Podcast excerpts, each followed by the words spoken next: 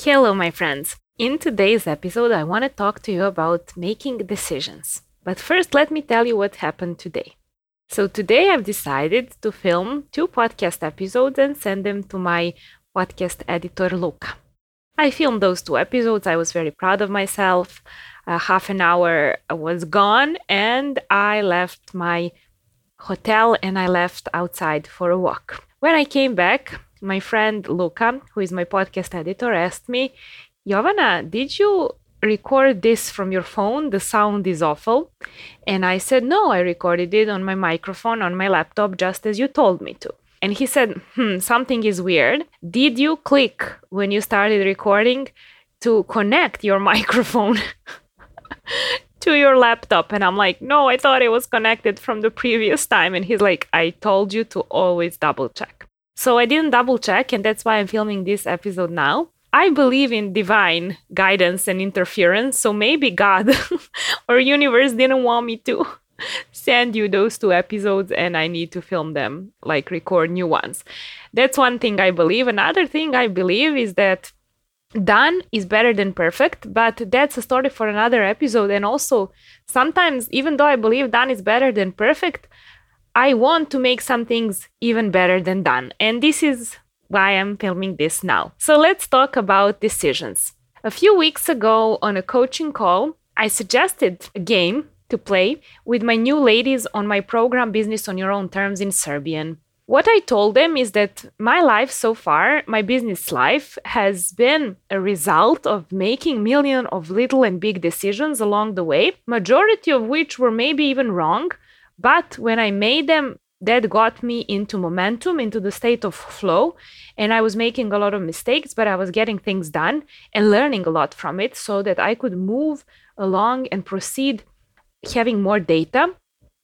And the power of having more data gave me more momentum to create things that are better for my customers and clients because they were telling me what can be improved upon, what they don't understand, what they need more information on, what do they love, what do they hate, etc. So this got me thinking how to make this first two or three years of business to my clients who are just starting out with their online business, how to make it more fun and enjoyable because it can be occasionally a miserable experience because you're expecting it to happen much sooner than it's going to. Uh, if you hear the background noise, it's because I am now in New York for three months and I'm staying at Bryant Park Terrace Hotel, which is relatively close to Times Square, so don't mind the noise. So, yeah, as I was saying, I was trying to come up with an idea to make the process more fun for the new ladies in my group, and I came up with this idea of 100 decisions. I told them that if they're just starting out, I want them to take a jar or a journal or a sticky note package and then to start writing down all the decisions they're making to get from point A to point B in their business. Even stupid decisions like I'm going to use these colors, like to bigger decisions like I'm going to uh, invest in this coach or trainer. Because I don't believe that they're like big and small decisions, I believe they're all just decisions that get us closer to where we want to go. And this idea actually appealed to them a lot. And they told me that as they started writing this, they started getting more empowered because sometimes they think they're not achieving anything, they're not getting anything done. And when I made this game, which sounded fun to them, and they started writing down all the decisions that they're actually making regarding their business, it started giving them the power and the responsibility. And it showed them that they have more than they actually thought they had.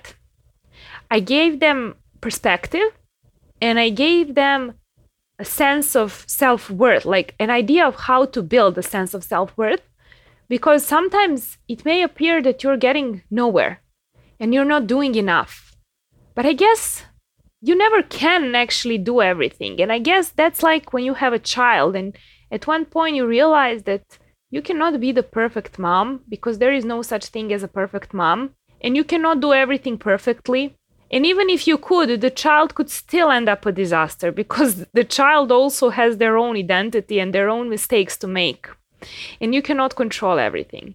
And just it's like that in business as well. And I know it's hard, and I know we take things personally because we love our businesses. But you need to keep in mind that making decisions is actually what will help you grow this entrepreneurial muscle, which is probably atrophied if you used to work in a corporation or somewhere else because someone else was making decisions for you. In life and in business, you generally have two options. You either are the salesperson and you have to make those decisions and you need to get new clients on board, or if you're not in sales or you're not the director of the company, then you actually get served like, here is what we're doing, here is what we need done. And you do make certain decisions, but you basically do have a guideline. It's not all up to you, just like it is in entrepreneurship. And that's why it's important to start figuring out that all these decisions are shaping your life and your business in a way that you want to. And by making a lot of decisions, you get better at making decisions. And you also start to realize that no matter what decision you make, it was the best decision you could have made in that time. And how do we know that? Well, because you made it. If you thought that there was a better one, you would have made the better one. You are not dumb to actually do something to harm yourself or your business. So if you made a certain decision in your life that now looking back seems stupid, please, my friend, don't beat yourself up over it. If you knew better, you would do better. How do I know that? I also made decisions that I'm ashamed of, or that I feel stupid about, or that I feel silly about. Mostly about people. I trusted the wrong people. I was naive. It was 10 years ago. Even there was one situation five years ago but I still I still believed the good in them and I don't want to beat myself up over it. Sometimes I tell myself you shouldn't have been so naive, how were you so stupid? But then I see that those thoughts are not serving me, they are just damaging my self-confidence. And then I remind myself you did the best you could. You had good intentions in heart. I'm telling you this because I think it's useful if you are also the kind of person that goes sometimes into beat yourself up mode. Here are the thoughts or sentences you can borrow from me that might make it easier. So, first of all, if I knew better, I would have done better. If I had more information, or if I had information I have now, I would obviously make a different decision. But you cannot beat yourself up over what happened. What happened is in the past. And if you are beating yourself up, you will be scared of making the new decisions and you will get stuck in overwhelm. And that's a very scary and dangerous place to be because it keeps you stuck and it keeps your productivity low. You can even go into the procrastination mode or perfectionistic tendencies where you are thinking like, "Oh my god, this is not good enough. I cannot publish this, etc." And that's only the result of the thoughts you're having, of the fear of making a decision, because in the past, you are still beating yourself up over the decisions you've made. You know, we are all humans and we all make mistakes. And some people that I know made terrible mistakes. Or life happened and they were at one place in the wrong time, and something happened that now they carry through life, which was not their decision, even, but it was their responsibility because they decided to be in that place in the wrong time. Their whole life changed because of a decision to go out that night or to sit in a car with a drunk driver. Everything changed. They're not bad people. They're not stupid. I can promise you that. But life happens sometimes, and we don't know why. And we cannot always know the right answer because then we would all do everything perfectly and we don't and I don't certainly. So the more time we can spend to actually nurture self-love and to give ourselves credit for having the balls to even make a decision in a crazy world like today where you have so many contradictory information from everyone from your sales gurus, from your media outlets, from social media, from everyone.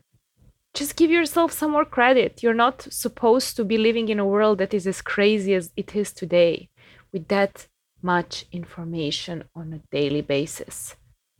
Give yourself more credit for having the balls to make any decision and start collecting decisions like points because it's fun.